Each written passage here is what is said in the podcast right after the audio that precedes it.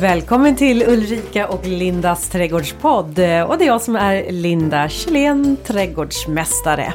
Och det är jag som är Ulrika Levin, trädgårdsdesigner. Och idag ska vi bli, ehm, eller vi ska faktiskt prata ljussättning i trädgården. Och vi har med oss en, en ljusdesigner som jag eh, faktiskt beundrar mycket. Så det Mm. blir jättespännande.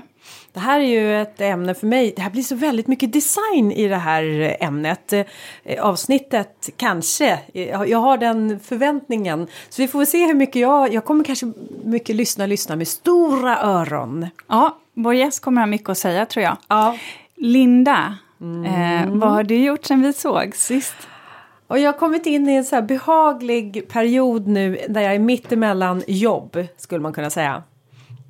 Det vill säga att jag har lämnat nu eh, allt som jag jobbade med här under liksom tidig höst eh, eh, och sen höst och sen så har jag en paus nu innan jag drar igång med julkurserna. Och i år är det helt galet med bokningar på julkurserna. Jag brukar ha ungefär så här 100, mellan 100 100 till 120 stycken som bokar sig. I år är jag uppe över 250 personer.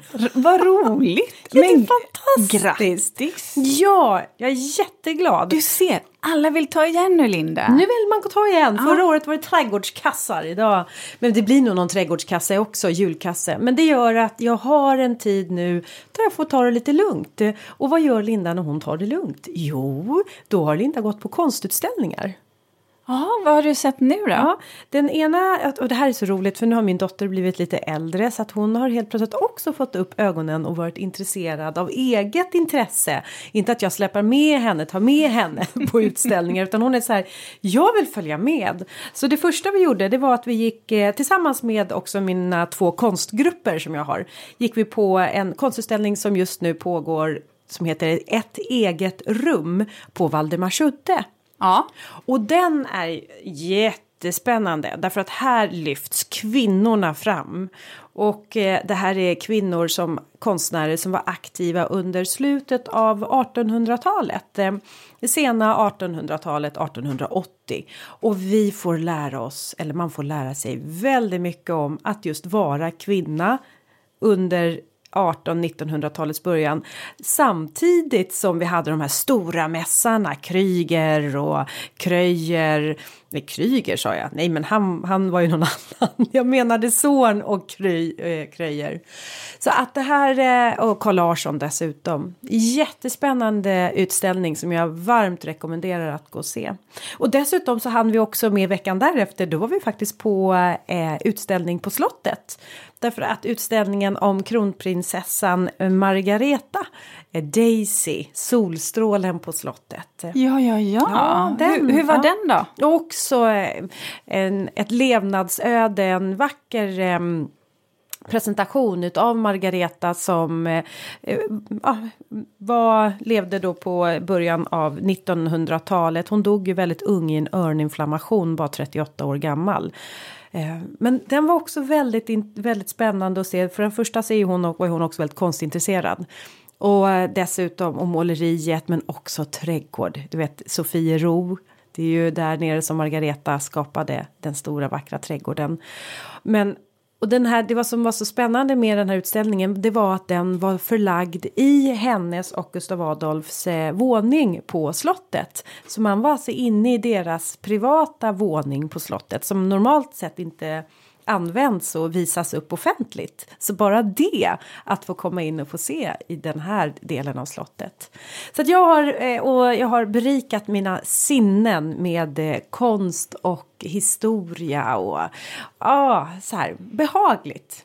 Jag, jag kan tycka att det är så spännande och ibland och fascinerande med historia. Just det här när det är kopplat till livsöden, när man på något sätt kan få ändå förnimma känslan av tidsepoken, eller hur? Mm, Det blir ju lättare att förnimma sig tidsepoken om man kan koppla det till en person och där man får höra hur den här personen då har levt och intressen. Och, Så att det, det har varit. Så att nu, nu börjar jag snart bli redo för att börja bygga jul här ute i växthuset. Ja. Ja, då vill jag raskt lämna över frågan till dig Ulrika. Ja, nej, vet du vad? Eh, Jag har ju mellan jobb så har jag faktiskt också varit kulturell. Jaha, Ja. Men är du också mellan jobb? Nej, nej. Nej, du är väl aldrig mellan jobb? Nej, verkligen inte. Nej, nej, nej, nej. Nu är det mycket så här, du vet, att träffa nya kunder, också göra uppmätningar så att det ska vara klart innan vintern. För man vet ju aldrig, rätt vad det är så kommer det snö. Och då kan det vara lite vanskligt att påbörja ett uppdrag ifall man inte har rätt plushöjder eller att det är saker som inte syns helt enkelt om det kommer ett snötäcke. Och sen blir det så vansinnigt kallt att hålla på och ja, men vara ute och ränna runt i trädgården när det är minusgrader. Så att jag försöker klara av allt sånt eh, innan här nu. Mm. Men jag har faktiskt varit på Rain Man. Eh, en, Jaha! eh, ja. Åh, nu får man sätta igång och gå på olika... Är det musikal eller är det teater? Ja, en teater. Ja. Eh, en teaterföreställning med Jonas Karlsson och eh, Robert Gustafsson. Fantastiskt bra. Eh, jag gillar ju båda de här eh, skådisarna. Men du, när köpte du biljetter till det här? Vet du vad, jag fick faktiskt dem här i veckan. Det var så att eh, det, det var mina föräldrar som inte kan gå. Så då undrade de om eh, vi ville ta över de biljetterna och självklart. Så det var lite lyxigt faktiskt. Ja, för jag kan väl tänka att man annars har köpt biljetter för länge, länge sedan. För ett år sedan, två år sedan, eller? För det här Jag vet, jag vet inte, jag kan inte svara på det eftersom jag inte har... Nej, det. Jag fick ju dem. Ja, så var fick det. ju dem. Ja. Men, men ja, okej, så vad tyckte du då? Vad är recensionen? jättebra. Ja. Verkligen. Och jag är väldigt förtjust i Jonas Karlsson framförallt. Jag tycker han är duktig. Eh, och, och Robert Gustafsson är ju bra just när han också kan vara det här lite nedtonade, lite allvarliga. Men sen så, så blev jag så här lite, åh, var sitter vi nu? Men vi, vi hade bra platser, för du vet att det här när man ska gå på teater eller olika typer av föreställningar så kan jag ju tycka att placeringen, vart man hamnar, är ganska viktig. Och så här är det ju, jag kan ju vara lite blyg ibland. Eh, vilket gör att på vissa eh, föreställningar med vissa då skådisar eller, artister så vet den ju att man ska sitta lite längre bak som till exempel med Jonas Gardell. som jag för också är väldigt kan förtjust han, i. eh, Ja. kasta ut någonting i publiken, en Exakt, fråga eller man blir... exakt. Jaha. Och precis det där var jag med om, för jag gick med min kusin på en av hans föreställningar och vi hamnade verkligen längst, längst fram. Och eh, det var ju inte så, vi blev inte utsatta för någonting, men i slutet av det här, den här föreställningen, så kommer alla dansare, då sjunger han ju och spelar och då springer de runt och, och kramas och man ska stå och dansa så här mot varandra. Och det här händer och jag bara känner hur jag stelnar till. För du vet, då är det främmande människor som dessutom är ganska svettiga. Som kommer fram och ska kramas och ska stå och dansa i princip, du vet. Ja, så att man rör varandra. Och jag bara känner mig så här att gud, jag är som en stel pinne. Ta bort mig härifrån, snälla. Vet du vad?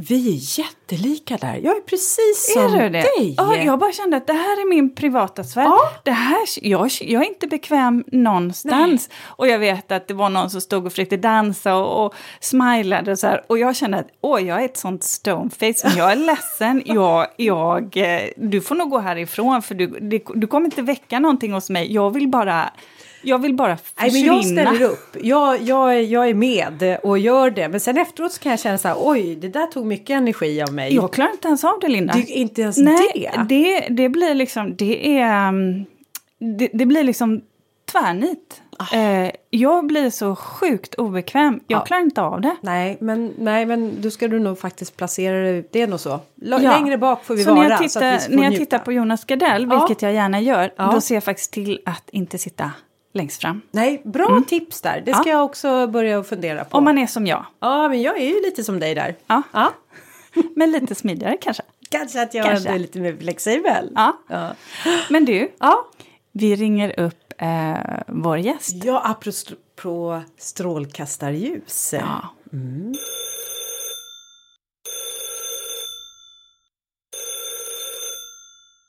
Då säger jag välkommen till vår gäst eh, Torbjörn Eliasson som är ljusdesigner hos White Arkitekter och författare till boken Så belyser du utomhus och eh, den uppföljningsboken som heter Nya belysningsboken. Som jag använder mig mycket av, ska jag säga. Eh, Torbjörn, eh, dig eh, fick jag, så att säga, första gången jag såg något av det du gjorde tror jag faktiskt var på Norrviken. Jag har för mig att du var där och ljussatte en, alltså fruktträd. Eh, stämmer det? Jag har en ja, minnesbild av det. Ja, det stämmer. Eh, och det var nog lite mer än så. Eh, Norrvikens trädgårdar år 2001 vill jag minnas att det ja. var. Då, eh, då var det en sommarutställning med Ulf Nordkäll och Tage Andersen. Och då hade jag precis lärt känna Ulf, vi hade jobbat tillsammans något år och då fick jag uppgiften att ljussätta den här sommarutställningen som varade från eh, juni till september någonting. Så att det var inte bara fruktträd utan det var ju hela Norrvikens eh, trädgårdar. Precis, och mm, anledningen till att jag kommer ihåg just det, det är för att jag såg ett foto därifrån och jag bara slogs av att det var så gudomligt vackert. Verkligen suggestivt, suggestivt. Och faktiskt att du hade jobbat med belysning på ett sätt som inte jag riktigt hade tänkt på och eh, att fruktträden också var ljussatta. De är ju lite ja. speciella, de kan ju få en speciell karaktär beroende på årstid. Men om vi, om vi tittar på det här med ljussättning rent generellt, för att det finns ju det finns ju många fördelar med att ljussätta sin utomhusmiljö. Eh, dels är det ju vackert, dels handlar det ju om funktion och också säkerhet. Och samtidigt så har det ju uppmärksammats också att, eh, vi har, att det finns nackdelar också med ljussättning i form av eh, ljusföroreningar. Det vill säga att man kanske pratar om att vi har för mycket ljus och under för lite för lång tid eh, på dygnet som också stör då både nattlevande djur och insekter och eh, eh även oss människor faktiskt. Um, men du, så att om jag då börjar att ställa en fråga eh, och, till er båda. Jag börjar med dig Linda. Vad tillför ljus i trädgården och, och jag menar behöver man ens ha ljus i trädgården? Jag tycker att det blir tryggt i en trädgård som har ljus. Det är ju annars är det ju som att man man är, liksom går runt i blindo så att för mig är ju en ljussättning någonting som är kopplat till trygghet. Men jag tycker också att trädgården blir större, upplevs större tack vare en belysning och en ljussättning av trädgården. Så att för mig är eh, trädgård kopplat, eller säga belysning kopplat till både trygghet och också att skapa den här större rummet eh, även under våran mörka årstid. Det skulle jag säga. Mm. Ja, och sen många fler saker, men jag tänker jag lämnar lite till er också. Ja, Torbjörn, om du svarar på frågan. Jag brukar säga så här att eh, bortsett från entrén som jag tycker man ska börja med eh, för den sätter vi ljus på för att vi ska känna oss välkomna hem när man kommer hem efter jobbet. Eller att gästerna ska komma hem, eh, tycka att det är trevligt att komma hem till en. Utöver det så brukar jag säga att 85 av, av nyttan att utsätta sin trädgård det är utblickarna. När du vistas inne på vintern eller på hösten eller på kvällen att du tittar ut över ditt, din, din trädgård. Och då handlar det mycket om att skapa rum ute i trädgården och det, där börjar ju ni som är trädgårdsdesigner eller landskapsarkitekten eller arkitekten då som planerar eh, ett, ett rum, ett uterum så planerar ju den olika rumsligheter och vad vi gör det är att vi visualiserar rumsligheterna med ljus på kvällen. Mm, och det, det, där är ju jätteviktigt, för det har ju vi pratat mycket om, Linda, i, i podden. Just om att man pratar om perspektiv. Vad ser man när man är i trädgården? Vad ser man när man är inomhus? För vi har ju trots allt eh, en stor del av året som är mörk i, i Sverige. För mig handlar det också om möjligheten att ha tillgång till ljus är också att ha rätt till mörker faktiskt.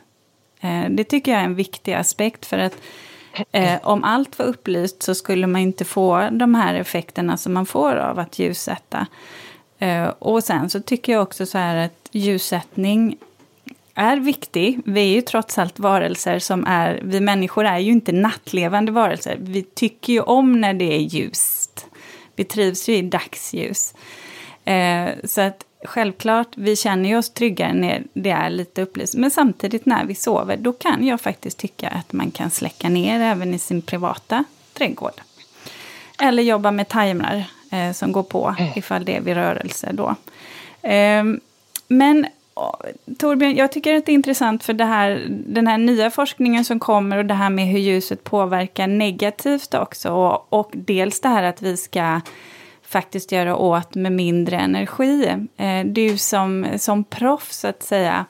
Hur, hur tänker du? Finns det några sådana här regler som du skulle vilja säga som man kan ta till för att minimera eh, de negativa aspekterna av ljussättning i sin trädgård men ändå få glädje av att eh, jobba med armaturer och att då få in ljus eh, i sin gröna miljö? Mm. Eh, det gäller ju överallt där vi tillsätter det artificiella ljuset att vi har ljus när och där det behövs.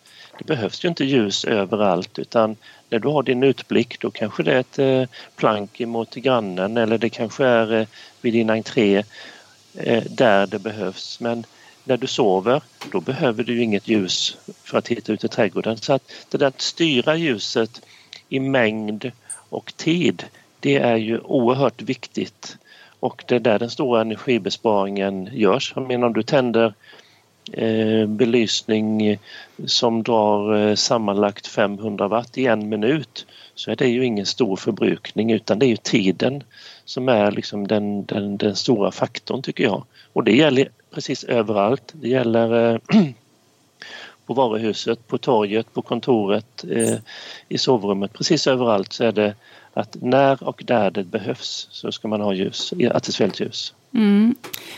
Tycker du att det finns en aspekt också i mm. att jobba med, med kvalitativ armatur som håller lite längre? Absolut. Eh, när vi pratar om kvalitet så hänger det inte alltid på pris. Eh, du kan ju ha en ljusslinga som är, eh, som är god nog som kostar en viss summa och bara för att den kostar tio gånger mer så så behöver inte det vara så att den håller längre.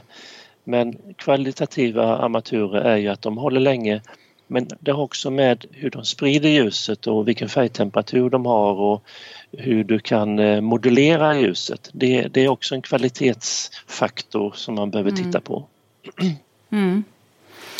Mm. och sen, det här vet inte jag om man har kommit till, men, men kan man ehm, det här vet du säkert, eller det här vet jag att du vet mer om, men eh, många gånger så är ju vissa armaturer är ju så att säga engångsprodukter också. Eh, kommer det allt mer på marknaden där man faktiskt kan reparera sin armatur istället för att behöva köpa ny armatur? Det är också en viktig faktor när man köper en, en, eh, en armatur till sin trädgård och se kan jag byta ut ljuskälla eller kan jag inte det? Och det är, är ju en faktor som jag tittar på när jag väljer belysning för en eh, privatträdgård till exempel. Kan vi skifta ljuskälla till en som är svagare, en som är lite vitare ljus, en lite varmare ljus och så vidare. Så det har jag alltid med mig att man ska kunna byta ljuskälla. Nu kan man ju inte det i vissa eh, väldigt små armaturer för det finns inte så små ljuskällor som är utbytbara. Men jag har alltid med mig det som en faktor när jag väljer eh, armaturer. Jag börjar ju aldrig med armatur utan jag börjar alltid med vad vill jag ha för ljus? Vad vill jag ha för funktion? Och så vidare. Och sen så väljer man armaturer efter det. Mm. Men ska vi börja där då? För nu om man tänker sig att man är sugen på att sätta eh, sätta ljus på sin trädgård. Utifrån eh, ditt perspektiv Torbjörn som, som ljusdesigner, hur, hur ska en gå tillväga när man ska plantera ljussättningen? Ja, men och då måste jag också säga en sak därför att det, det, jag försöker verkligen ljussätta trädgården hemma. Men jag har ju en gammal trädgård, uppvuxen trädgård. Och där måste, har jag, jag kan ju liksom inte jag har svårt att kunna gräva ner mina kablar. Det bästa i världarna hade ju varit om jag redan när jag tog mig an min trädgård och började anlägga den hade planerat in en ljussättning av trädgården. Så jag fick bort alla dessa sladdar och man kopplar ihop dem och eh, försöker liksom få in dem in under buskar. Och, eh, jag tycker att det kan, där kan jag tycka att en stor del av det svårigheten är att få in belysning i en gammal trädgård utan att få till ett liksom, trassel av sladdar. Och då kan man ju fundera på om man nu då, vare sig man har en ny eller gammal trädgård, hur ska man gå tillväga Torbjörn för att ljussätta sin trädgård? Vad är, liksom, vad är steg ett? Vi börjar med ny trädgård, eller? Nej, vi kan köra. Vi kör, kör, kör, kör du Torbjörn. Ja. ja. men det är en ganska så stor skillnad på en ny och en gammal trädgård och mm. skillnaden är ju, man kan säga så att allt är en kompromiss. Eh, du kan säga så här, jag väljer bort att gräva ner kablarna. Okej, okay? Då, är de, eh, då ligger de ovanpå eller så får vi undvika att belysa. Så att det, där finns det liksom inget trolleritrix hur man får fram eh, ström till den här punkten om man inte vill gräva. Och då kan vi säga, vi har bestämt oss för, vi vill inte gräva. Okej, okay, då får vi hålla oss till de punkter som är nåbara med ström. Men sen kan man ju dra el på lite olika sätt. Har du ett plank eller ett staket, ja då kan du montera kabeln på den på jättefina sätt. Jag har precis gjort ett gammalt hus nere i Wien, eh, svenska ambassaden och där eh, trixade vi lite grann. Bekymret var hur monterar vi kabeln? Och vi löste det på ett litet klurigt sätt så att lite klurerier, med lite klurerier så löser vi kabelproblemet. Mm. Mm. Ja, för man kan ju också fästa armaturer på, på fasader till exempel. Eh, och belysa, belysa olika punkter ute i trädgården på det sättet. Eller dölja under takfoten eller takutsprång ja. och sådär.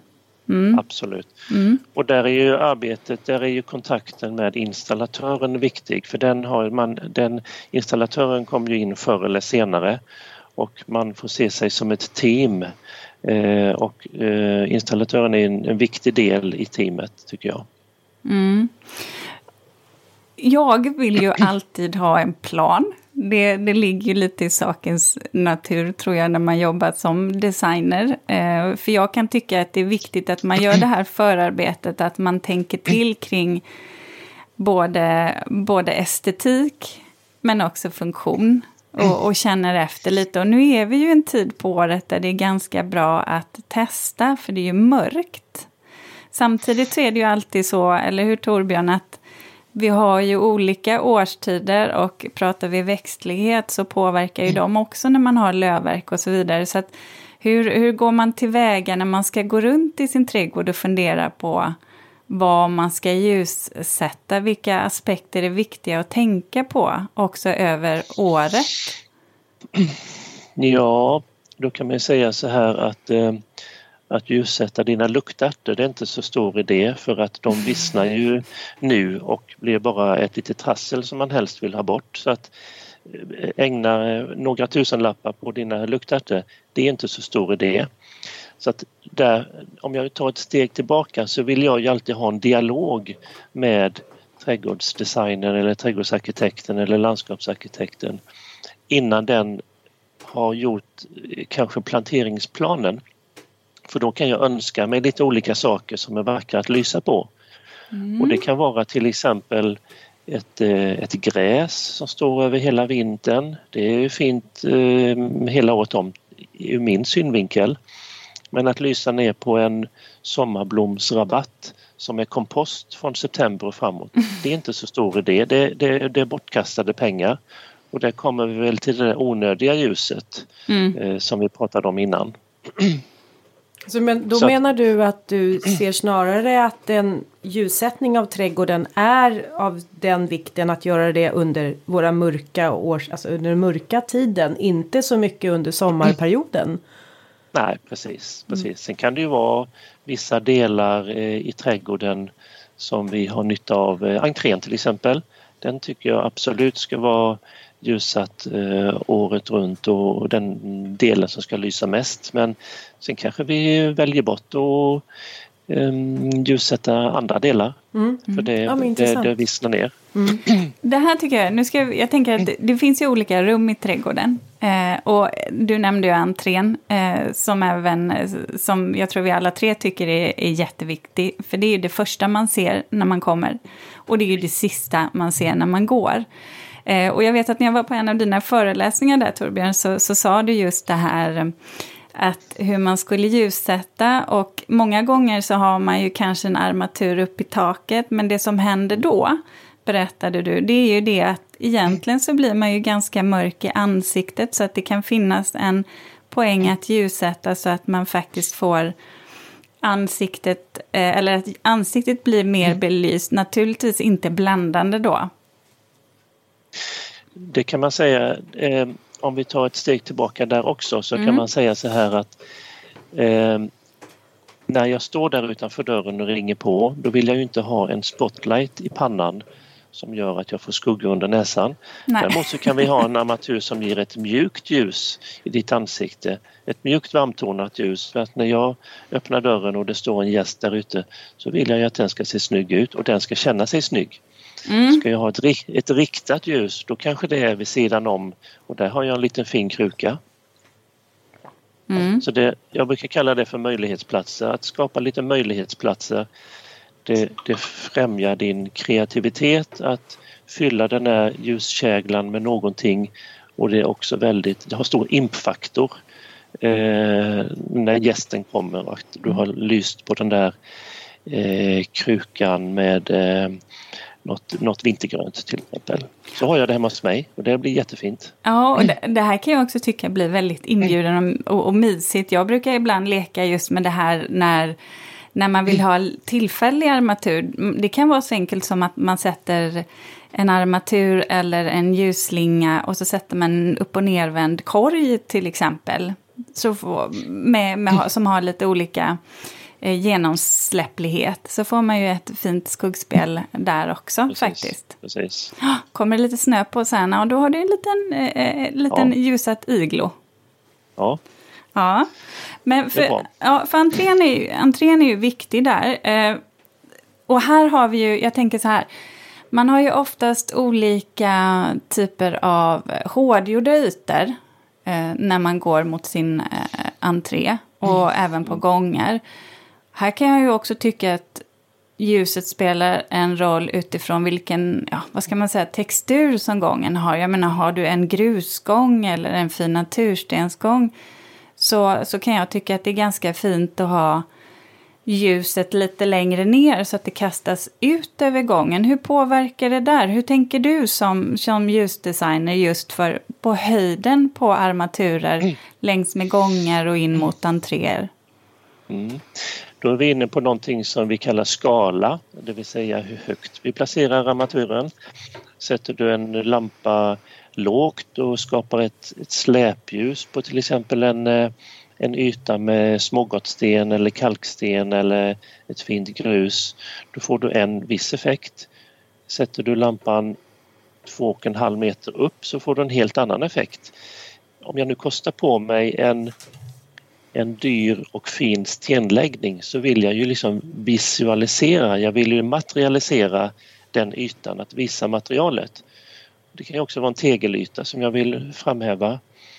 Ehm, så att beroende på vad det är för funktion, det är en gång, det är en yta, en vistelseyta, det är ett blickfång så placerar jag armaturen på olika höjd beroende på vad jag vill skapa.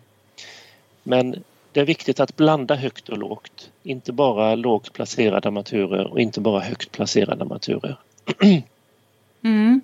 Och de här höga armaturerna, det kan ju vara, eh, och det i och för sig, det gäller ju de låga också, men jag tänker ljusets riktning spelar ju också in där. Det vill säga att eh, riktas det uppåt eller har det en skärm eller kommer det så att säga riktas neråt? Hur tänker du där när du jobbar i den här skalan, när du blandar högt och lågt? Mm. Eh, om du riktar ett ljus underifrån på din jättestora ek, då får du ett monumentalt ljus. Mm. Alltså du får ett ljus som du, du liksom upplever platsen som monumental. Mm. Om du placerar lampan lågt då får du en mer vilsam, en lågmäld skala. Till exempel på en uteplats. Den är ju inte till för att kanske spela fotboll på utan den är ju till för att du ska sitta ner och relaxa. Och då vill jag ha lågt sittande ljuspunkter. Mm. Medan entrén, den vill jag kanske ska kännas lite, inte monumental hemma men ändå lite, lite mer pampig, upprätt stående skala och då kan jag rikta ljuset underifrån. Men mixen är jätteviktig där så att man inte bara gör det ena eller det andra. Och så tänker jag i alla rum, ett parkrum, en lekplats, eh, ett eh, ny stadsdel eh, så är det mixen som är viktig. Och så tänker ju ni också, ni tänker ju högt och lågt med växter, mm, inte bara Ölandstok eller bara jättemiskantusgräs utan ni mixar ju högt och lågt i era sommarrabatter eller perennrabatter. Mm, för att få en spänning till det. Mm. Mm. Om vi pratar om det här med funktion, för det finns ju funktion naturligtvis och den är ju, den är ju viktig. Men hur ska man tänka som trädgårdsägare, funktion kontra mysfaktor? Ja, eh, väldigt liten del utav ljussättningen går ut på att du ska se var du sätter fötterna ute i trädgården. Det finns ju många som sätter en pollarrad med en pollare varannan meter eller någonting på sin garageuppfart. Det tycker jag är ganska så onödigt för du har ju ändå lyktor på, på bilen. Och det är sällan, mm, som, det, det är sällan som du går ut i din vedbod, till, till din vedbod och hämtar ved och behöver en upplyst gångstig. Då är det bättre att du mål, sätter ljus på målpunkten, att du har ljus på vedboden och ljus för det är också så, det, det, är en negativ faktor med ljus det är ju att när du går ut i mörker och ser en skarp ljuskälla då förstör du ditt mörkerseende. Ja, mm. verkligen. Mm. verkligen. Du måste, vara, du måste vara rädd om ditt mörkerseende och det där kan jag, jag håller ju ständigt på med en 3, 4, 5 trädgårdar för privatpersoner och, och andra projekt också. Och det där kan man inte förstå förrän vi har sett det i verkligheten. Så att jag brukar göra en provbelysning hos mina privatkunder så de får se vad jag menar och då, då går det nästan alltid upp ett ljus eller de liksom förstår. Ja just mm. det, nu förstår jag, nu hänger jag med. Mm. Jag, tänker, jag tänker just på det där med, med mörkerseendet för att nu, nu, jag springer ju ofta eh, i skogen. Och även eh, där, där det faktiskt inte är någon ljussättning alls. Eh, och där märker jag ju att när jag direkt möter någon som kommer med pannlampa eller att det blir ett lite skarpare ljus. Mm.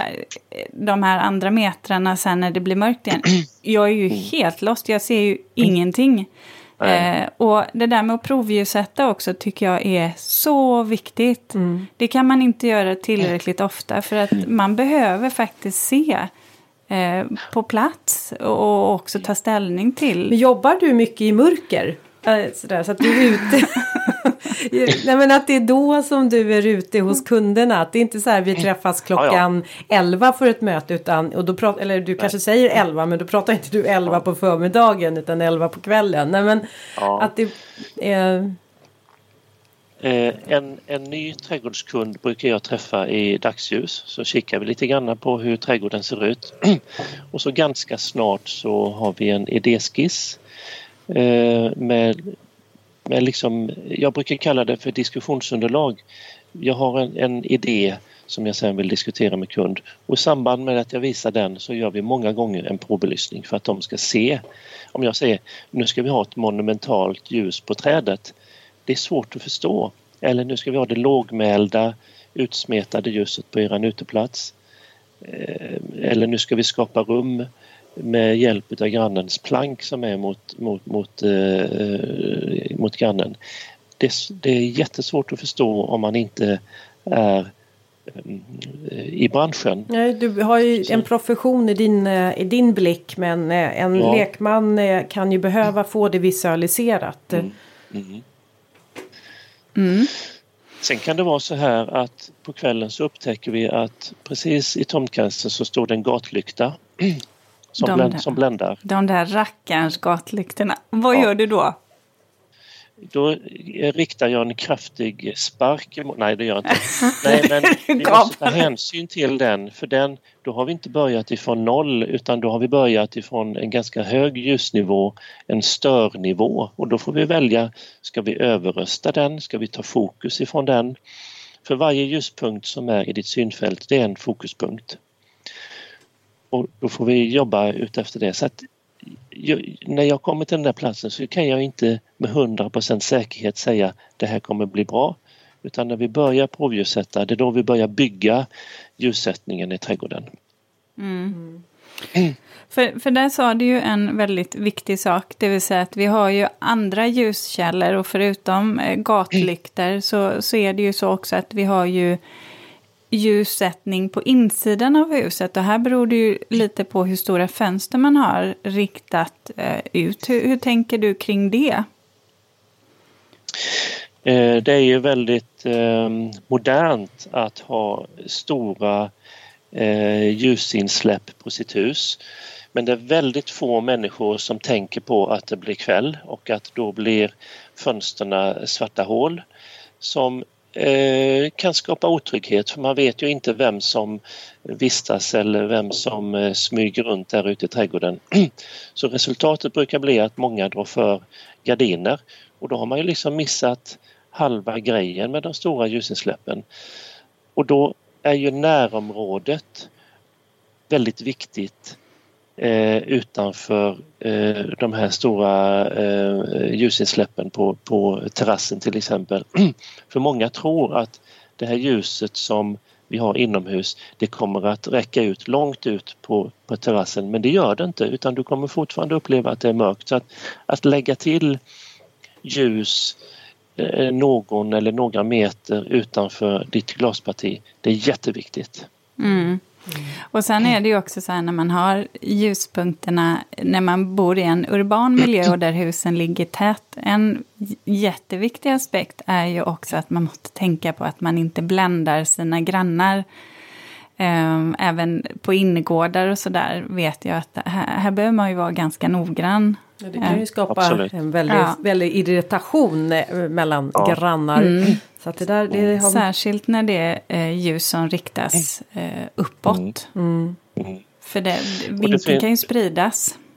Mm. Men det finns ett, ett, eh, ett väldigt enkelt trix att undvika irritation. Och det tänkte jag att vi ska ta i nästa poddtillfälle. Jaha, mm. nej. nej. Jag bara skojar. Jag bara skojar. nej. Men jag brukar säga så här till dem som jag ska hem och provljussätta berätta för era grannar att nu kommer vi att prova lite ljus i trädgården. Då känner de sig involverade och tycker att det är spännande och då kommer de ofta ut och, eller de står i fönstren och tittar eller så är de goda grannar så kommer de ut och är med. Och, men om man inte säger någonting och när det är någon lampa som bländar lite, lite, lite, lite, då har det börjat att skapa en irritation och den kommer aldrig att ta slut. Så att involvera det är, ett, det är ett väldigt bra trix faktiskt, enkelt. Enkel psykologi. Finns det regler för eh, ljussättning? Sådär att man inte får ljussätta hur som helst eller är det än så länge oreglerad mm. mark? Nej, det finns eh, tydliga regler för det i, i regelboken, eller säga. Alltså, en ljussättning som nämnvärt påverkar byggnadens karaktär eller utseende eller stör, den måste du ha bygglov för. Mm. Men det är väldigt få som tillämpar det. Eh, och det är, det, är, det är de juridiska reglerna. Sen finns det ju liksom eh, eh, vett och etikettregler sådär va. Mm. Och eh, man eh, låter ju inte en strålkastare tändas när man kör in med sin bil eller när man kommer med sina kassar eh, så att den bländar. Det, det, det gör man ju inte. Så att Nej, kolla man, med grannarna. Mm, grannsämjan är ju ja. trots allt ganska viktig. Vi har ett stort eh, byggvaruhus som ligger i närheten av vårt eh, villaområde. Och det, det varuhuset de har nog fått ett sådant eh, eh, tillsägelse eller inte fått igenom med bygglov. För de behöver släcka sin belysning när det har passerat, eh, jag vet inte om klockan är tio på kvällen, men då är hela byggvaruhuset släckt. Och jag tänker det är ju illa för dem, så de vill ju såklart eh, synas eh, och marknadsföra att de ligger där. Men, men de har byggt sig så pass nära ett villaområde så att deras belysning måste släckas på kvällarna. Men, det är jättebra. Mm. Ja, å andra sidan, det var väl det som du var inne på i början. Eh, när behöver vi egentligen ha belysningen? Jag vet att i Frankrike så har man ju börjat släcka ner vissa eh, vissa fasader eller vissa mm, ja. kända eh, landmärken så att säga. Eh, just av det här enkla anledningen att det blir mm. ljusföroreningar och mm. för att minska energiåtgången. Så att, ja det där, självklart, allt ska inte vara upplyst Nej. hela tiden. om det jag... inte krävs av säkerhetsskäl mm. kanske. Det. Något som har blivit mer och mer populär det är ju att man just kör ljus, ljusshower. Eller jag vet inte vad det kallas mm. för men eh, ja. jag vet på många anläggningar. Du pratade om Norrviken tidigare ja. och jag vet att de har det och Sofiero bland annat. Vad, är det här någonting som du ser vi kommer få uppleva på fler och fler ställen eh, att man skapar. Och har du gjort en, någon sådan eh, ljussättning? För det måste ju vara att verkligen jobba konstnärligt med ljussättningen. Mm. Mm. Eh, menar du tillfälliga eller permanenta? Nu menar jag tillfälliga. Ja. Eh, jo, men jag har jobbat eh, jättemycket med eh, tillfälliga Eh, och ibland årligen återkommande men också eh, tillfälliga kanske över en eh, oktober-november period och så vidare. Så att, och det, det, där har jag gjort jättemycket i, i många, många år. Jag var ju med och startade Lights in Alingsås för lite över 20 år sedan och det är ju fortfarande igång. Det var mm. 20-årsjubileum förra året. Mm. Ja, det är ju en stor grej. Det är ju massor med internationella ljusdesigners va, som medverkar mm. i den. Mm. Är Vad är det som är speciellt när man gör en sådan show? Jämfört med om man ska göra en ljussättning i sin e egna trädgård? Ja, eh, det finns lite olika saker att tänka på. Men det viktigaste är ju att man inte har det för ljust från början. För att, att göra en, en sån installation i, i Allingsås är relativt enkelt men att göra den i Stockholm det är en helt annan grej. Mm. Jag har mm. jobbat mycket ute, ute i Värtahamnen med, eh, med eh, olika ljusinstallationer och det är en skala och ett omgivningsljus som gör att det blir mycket, mycket svårare. Man måste ta i mycket, mycket mera för att det ska överhuvudtaget märkas. Mm. Det här tänkte jag bara en, en passus där jag vet att under en av dina föreläsningar så visade mm. du en bild på en gångtunnel som var Ja, men den var väldigt mediokert eh, ljussatt mm. på ett sådant sätt så mm. att egentligen så blev hela gångtunneln mm. mörk. Och det var, mm. eh, ja, det förstår man, jag hade aldrig gått igenom där faktiskt. Nej. Men sen Nej. så visade du på hur ni hade ljussatt där och vilken skillnad det blev. Mm. Så det där tycker jag också, det här trygghetsskapandet är ju faktiskt viktigt för oss. Det finns ju delar där man måste kunna känna sig säker när man går. Och samtidigt så, så kanske det ska finnas mörka korridorer då för att nattlevande djur och insekter ska kunna förflytta sig eller jaga reproduktion och allting. Mm. Så att är en balans däremellan. Ja.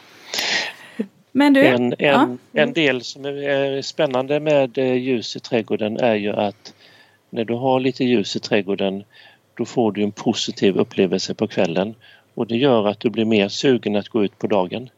Så ah. mycket av det du ser, mycket av det du ser eh, som har med ljus att göra, det har ju med annat också att göra, eh, når ju ditt undermedvetna och det är ju, då börjar det bli riktigt, riktigt spännande med mm. ljus att det finns saker som styr ditt, ditt beteende men som som har nått ditt undermedvetna. Mm. Det är det, det som är härligt faktiskt. Ja. När vi pratade om också ljusshower då, så där ser jag ju framför mm. mig att man har olika kanske färger på lampor och hur, mm. om, om man då ställer den frågan, på vilket sätt påverkar mm. ljuset både, både färg men också färgtemperaturer upplevelsen?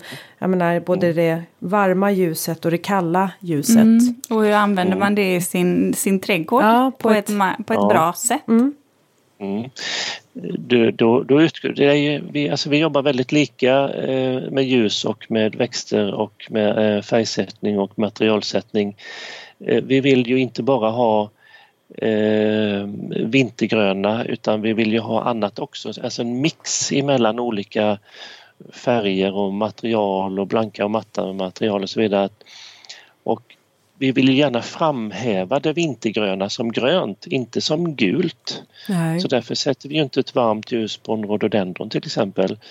Men mm. på, eh, på en, en, eh, en stam med lite tjocka grenar eh, den kan vi ha ett varmtonat ljus på till exempel så att vi, vi, vi mixar färgtemperaturer. Lite utgår det, ifrån växterna alltså? Absolut, mm. absolut. Och där kan man väl tänka sig, en tall är väl ett bra sånt exempel där man kan jobba med ett litet varmare ljus på, på stammen till exempel. Precis. Med lite kallare i, i kronan. Precis, så är det. Ja. Och det vissnade gräset eh, som du stod kvar eh, på vintern det blir ju jättefint med litet varmtonat ljus. Mm. Mm. när, för att ändra de där, jobbar du med filter då eller byter man armatur? Hur går man tillväga om man vill så att säga ändra färgtemperaturen? Mm. Där har ju ledden varit eh, till stor nytta att eh, en halogenlampa förr i tiden den var ju varmtonad. Men ledden där kan du ju välja mellan 2700, 3000 eller 4000 Kelvin, alltså mm. från riktigt varmtonat till ett eh, kallt ljus. Och vad brukar man säga, är det 2700 som egentligen motsvarar en glödlampa typ? Eller ja, de gamla? Precis. Mm. Precis ja. Ja. ja. Och ju högre Kelvin man har desto, desto mm, eh, ja, då blir det blåa. Vitt, nej, ja. inte blått, det får du inte säga. För då nej, blir, när du säger nu ska vi ha ett kallt blått ljus till en trädgårdsägare då ramlar den baklänges. Man säger ja, att vi ska ha ett, vitt, ett vittare vitt, ljus. Kallvitt. Det låter snällare. Mm. Ja, just det. Ja, Annars exakt. visualiserar man och bara va? Ja. ja. ja. Mm. Så blir det hemskt. Mm. Men så är det. Varmare eh, toner då är det, då är det lågt, eh, då är det lågt K. Eh, ja, mm. precis, ja. Mm. precis, ja. Om man, men nu pratar vi att man kan då färg, eller säga, ljussätta växterna. Men om det finns, och vi har även pratat om hårdgjorda ytor. Men vi har ju annat ja. i trädgården. Vi kan ju faktiskt ha vatten. Mm. Alltifrån dammar, pool. Precis, ja. vad, mm. Eh, vad har du för, för något genialiskt där? Två, två grundregler kan man säga. att Har du ett stillastående vatten, vi tänker att du har en overflow-damm som där, där det rinner till vatten i, i lugn takt och sen så rinner det över kanten. Där ska du inte sätta ljus i vattnet för då kommer det upplevas smutsigt utan där sätter du ljus på någonting bakom. Det kanske är eh, några liljor eller det kanske är ditt gräs eller det kanske är en, en mur eller ett träplank eller någonting och så får du en vacker spegelbild i den stilla vattenytan. Har du däremot ett rörligt vatten med alltså ett fontänmunstycke då kan du låta ljuset passera i, ljus, i, i ljuset passera i vattnet för då, då leder liksom eh, mm. vattenstrålen ditt ljus. Det är ju det som är så häftigt, mm. eh, tycker jag, med, med rinnande vatten. Mm. Och då sätter man mm. alltså armaturen i vattnet? Ja, just det. Just det.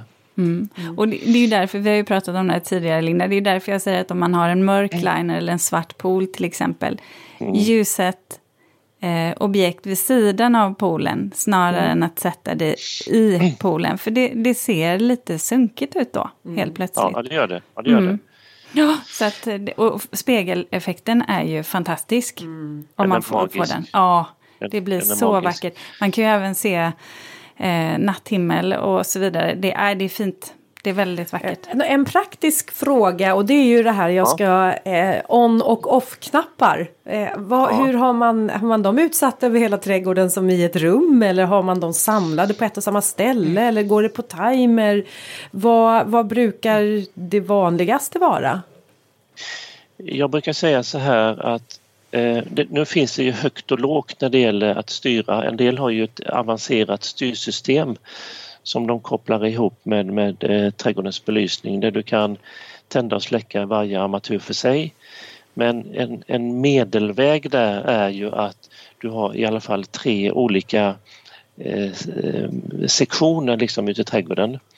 Där en kabel eller en kanal går ut till Eh, äppelträdet till exempel, en annan går ut till eh, planket, en tredje går till belysningen som du har på, på din terrass. Så att då brukar jag säga så här att låt, låt en utav kanalerna gå på med ett ljusrelä eller timer så att den tänder och släcker automatiskt. Och sen kan du tända och släcka de andra två kanalerna manuellt. Mm. För det är en liten grej också att du inte brassar på allting varje dag i veckan utan någon gång ibland så tänder man det där lilla extra. Mm.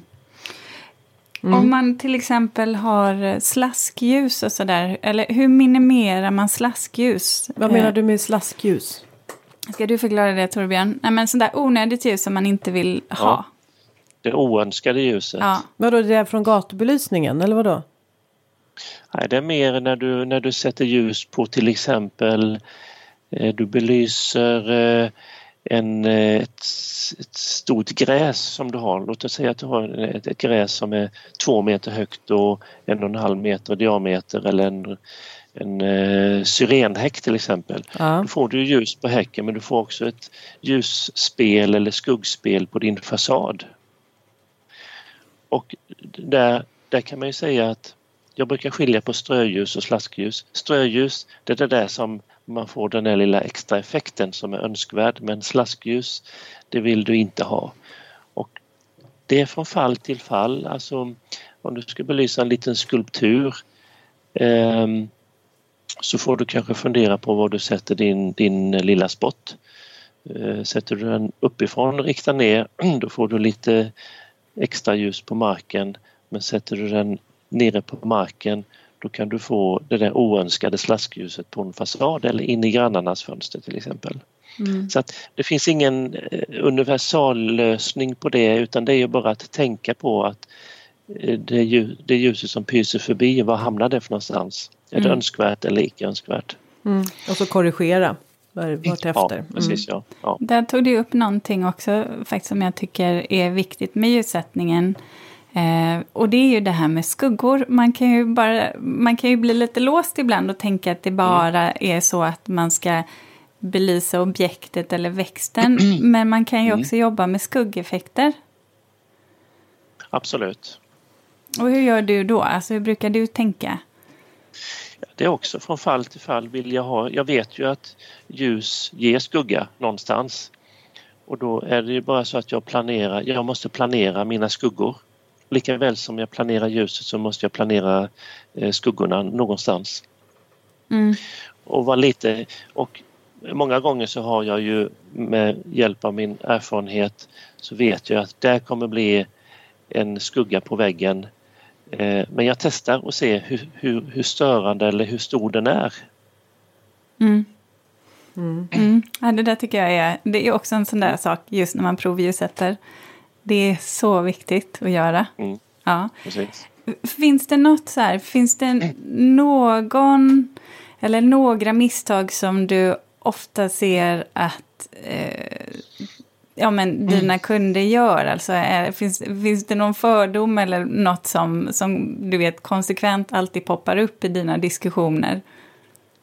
Ja, eh, jag kan ta ett exempel. på Jag jobbar med en trädgård nu nere i i Varberg. Och den kunden bygger ett hus med ett, ett av världens finaste tegel, ett tegel som heter Columba-tegel. Eh, ett danskt eh, handslaget tegel som är mm. helt fantastiskt. Ja.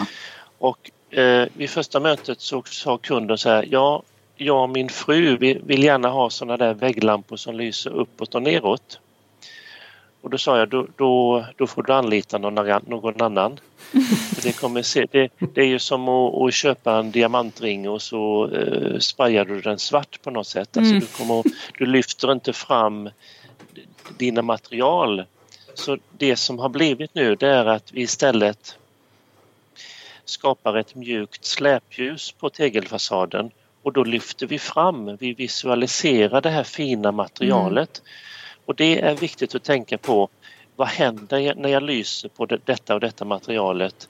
Vad händer när jag sätter ut 12 stycken pollare som bländar eh, lite granna eh, på garageuppfarten till exempel. Eh, och, och där är ju påbelysningen väldigt viktig att se innan jag installerar eh, en massa lampor och se vad händer när jag lyser på den här passagen eller vad händer när jag lyser på fasaden eller vad händer när jag lyser på, på planket. Mm.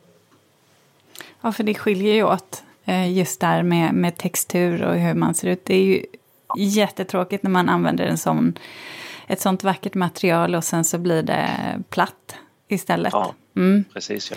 ja. Torbjörn, eh, mm. stort tack för att du ville medverka. Ja, verkligen. Mm. Åh, jag har lärt mig så mycket om ja. möjlighetsplatser. Nu känner jag så att man skulle ju kunna säga att nu har vi blivit upplysta, lite ja. Göteborgshumor. exakt, exakt. Den har du aldrig hört förr, va? Nej. Ja. ja, det bra. Ja. ja. Tack Torbjörn. Ja. stort tack. Tack själva. Ja. ja. Hej. Hej. Hej, hej.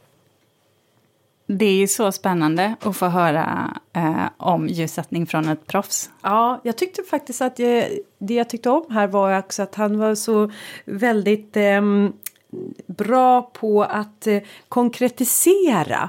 Jag tänkte som jag sa, liksom möjlighetsplatser, att man tänker på det eller eh, monumentalt, eh, underljusbelyst och, eh, eller det vilsamma. Men också något som jag tyckte var intressant, det var att man ska vara rädd om sitt mörkerseende. Ja, ja. Och, och rätten till mörker för alla, inte bara för oss människor och grannar då naturligtvis. Men också, ja, de, vilka också är människor. grannar i ett annat släkte. Men det är ju du och jag då, då som är också. Men också nattlevande djur och insekter. Och vill man veta mer om det här så finns det faktiskt eh, både bra litteratur men man kan också googla. Eh, för det finns också vissa knep eh, att ta till.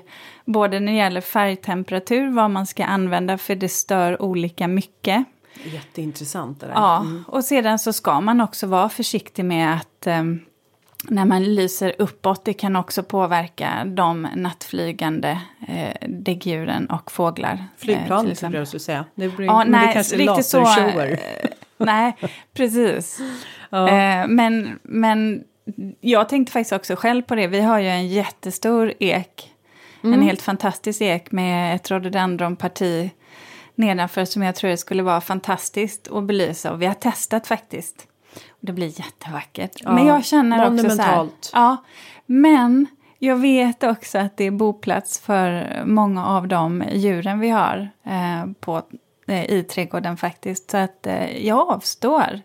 Jag belyser på lite andra ställen faktiskt. Sen mm. släcker jag ju ner på natten som jag säger. Mm. Så många gånger. Mm. Men så gör jag. Ja. Mm. Ja, eh, ett ämne som man kan fördjupa sig ännu mera ja. i. Men du Linda, jag tänkte eh, att också så här inför allhelgonahelgen. För idag är det ju 4 november. Eh, och eh, det är ju så att det här är ju en minneshögtid som står Eh, för dörren. Eh, många besöker kyrkogårdar eh, och minneslunder för att hedra och minnas sina eh, döda. Har du förslag på hur man så att säga skulle kunna sätta alltså fina, fina kompositioner för, för graven? Mm.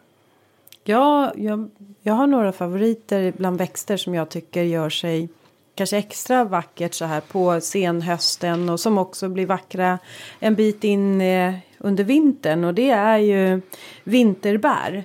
Eh, den går också under namnet skimmia. Mm. Så säg att man kan sätta samman i en kruka. Det är inte alltid man får plantera ner ju kring en grav. Utan man ska tänka sig på att inte växter som man får plantera ner är sådana som sprider sig. För att man ska ju hålla sig på sin liksom, yta. Men eh, jag kan tycka att det är vackert att samplantera just vinterbär. Och den finns i både rött och vitt i blomman. Eller blomman, knopparna, eller ja, bären där. Och sen så tycker jag att den är väldigt vacker tillsammans med eh, ljung och eh, ljung finns ju också i massa olika färger. Men här beroende på om man väljer en som går åt det mörka bordeauxröda hållet på skimjan så kan man ju välja en röd eh, blommande eller mörk mörk purpurrosa blommande ljung. Annars så kan man ju ta vitt också. Och sen så tillsammans med en alunrot som också plockar upp det här och gärna mm. de här liksom mörkt, liksom riktigt djupröda eh, bladen. Det tycker jag är en väldigt vacker kombination är det. Och också någonting som står sig under lång tid framåt. Har du förslag på växter? Nej, jag tänkte faktiskt, jag har bara lämnat det till till mig. den här men, gången. Ja, men annars också någonting som eh, många lägger ju kanske en krans på graven eller ja. Mm, såklart alla dessa ljuslyktor också som lyser upp så vackert. Men man ska ju också ha med sig att det blir ju eh, mycket som ska tas, tillva- tas hand om efteråt eh, högtiden. Och att man då tänker på att man inte använder sig av liksom allt för mycket med, med plaster och, utan tänker återvinningsbart. Och när det gäller just växter som man lägger på graven så har det börjat hända mycket nu inom branschen att erbjuda då kunder att eh, handla då sådant som är 100 % eh, eh, komposterbart. Det vill säga att man kanske inte använder sig av något plast, liksom snöre eller den material utan mera jute, jutesnöre. Och också istället för att kanske sätta då växter i något eh, Speciellt om man har några arrangemang som istället för oasis eh, till exempel eller en plast eh, så kan man använda sig av lera. Och lera blir också väldigt stabilt och står stadigt eh, och tungt. Så att titta titta på och välj med omsorg så att ni också väljer en dekoration som även gör gott för miljön. För det finns mycket nu eh, fokus på det också. Bra. Mm. Vi avrundar där och så hoppas vi att ni alla får en vacker och fridfull helg. Det gör vi. Vi hörs nästa vecka. Ja. Hej då. Hej då. Så. Jag har velat säga det här upplyst hela tiden. Det var ju tur att jag fick säga det en ja, gång. Exakt, jag höll på att säga det, vi ska bli upplysta.